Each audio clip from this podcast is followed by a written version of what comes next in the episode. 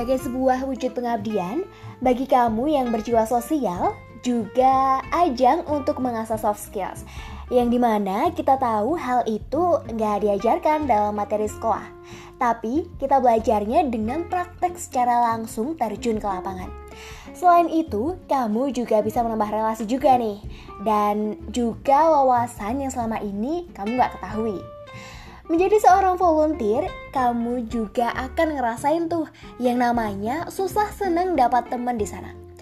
Capeknya ngelakuin job desk dan juga pengalaman yang berbeda-beda. Karena setiap kejadian memiliki ceritanya masing-masing dong ya.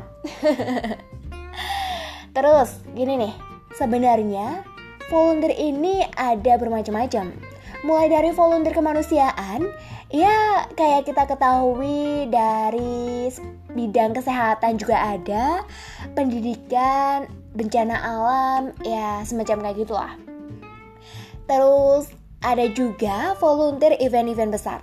Contohnya nih ya, kayak konser musik, pagelaran, atau hal-hal lain yang berkaitan dengan show. Setiap job desk yang kamu terima, di situ kamu dapat ilmu yang berbeda-beda pula. Selain itu, di sini kita juga dituntut nih buat peka sosial.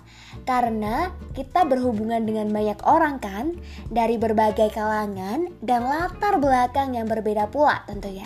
Nah, pengkondisian emosi dan mental di sini pakai banget. Tahu lah ya, kan di sini kita ini nih ngerjain banyak hal dan belum lagi kalau ada temen atau senior kamu yang mungkin ada beberapa masalah yang harus diluruskan. Yang terpenting dari volunteer ini adalah kamu harus siap secara fisik, mental, dan juga pikiran. Ya, karena kan kamu mengabdi. Kalau nanti ada tambahan fee-nya, ya itu sebagai bonusnya. dan Selain itu kamu juga harus teliti dan juga hati-hati karena setiap kerjaan yang kamu dapat kan bakal ada pertanggung jawabannya, ya nggak? Dari sini nanti teamwork kamu juga dapat. Latihan kepemimpinan juga bisa diasah. Dan juga kamu bisa ngembangin diri kamu. Selain itu, kita juga berproses nih untuk berpikir menjadi lebih dewasa. Kan pasti setiap acara ada dong ya hal yang gak mulus gitu. Nah, di sini kamu belajar tuh gimana caranya buat mecahin masalah. Belajar menyesuaikan diri dengan orang yang baru. Dan dari situ kita bisa tahu gimana karakter orang-orang di luar sana. Ini sebagai acuan nih buat kamu biar tahu gimana sih karakter orang dan kerasnya dunia di luar sana. Kalau misalkan kamu menjadi volunteer kemanusiaan, hal itu bisa nambah syukur kita. Karena di situ kita akan ngebantu banyak orang dan kita bisa tahu caranya berbagi dan saling menghargai. Yaps, seperti cerita pengalaman menjadi seorang volunteer dari sender kita. Yang dia ini nggak mau nih buat disebutin namanya Malu katanya. so, check this out. Hai, salam hangat dari sini. Semoga ceritaku bisa diterima ya. Jadi gini, aku dari SMP emang udah suka banget sama yang namanya kegiatan sosial.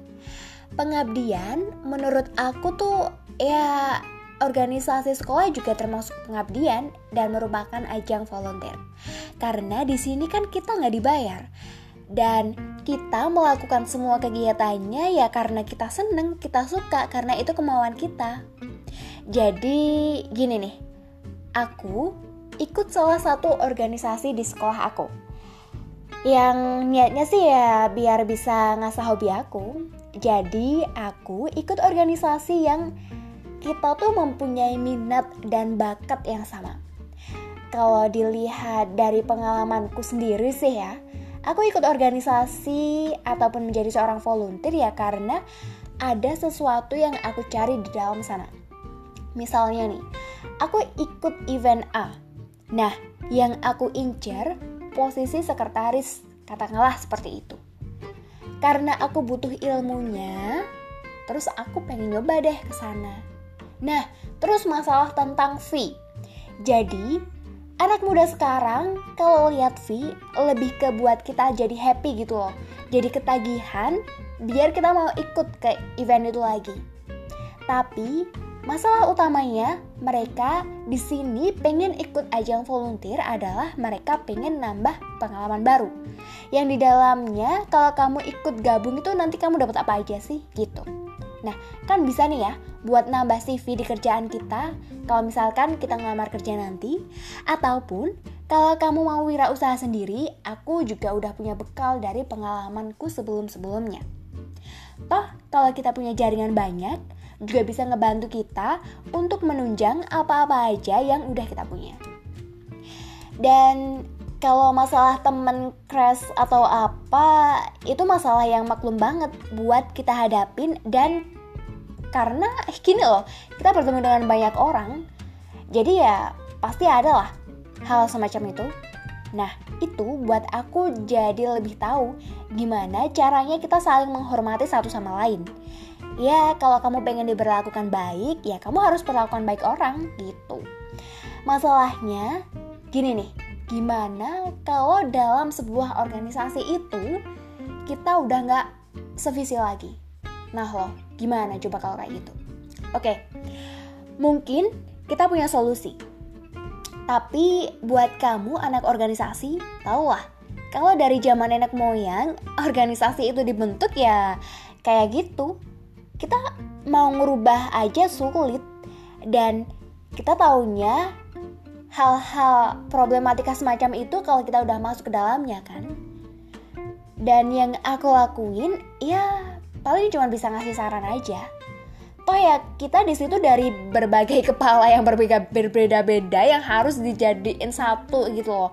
Karena kita mau menempuh jalan satu kan memang harus ada komunikasi yang sehat dan memang harus ada yang ngalah satu sama lainnya gitu. Dan di sini aku pengen pesan aja buat kalian. Ikutlah organisasi yang itu dari hati nuranimu, bukan karena paksaan ataupun cuman pengen ikut-ikutan aja. Eh, entar biar bisa lebih famous ah, aku ikut ini. Enggak, enggak gitu cuy. Karena di situ kita kan pengabdian ya. Dan kita juga harus bisa ngatur waktu banget banget Terus jangan baperan karena kita bakal ketemu banyak orang dengan sifat yang berbeda-beda. So, good luck. ya, yeah, oke, okay, good luck ya buat kamu yang pengen nyoba atau meneruskan di dunia volunteering. Itu tadi cerita dari seorang sender, semoga bermanfaat buat kamu.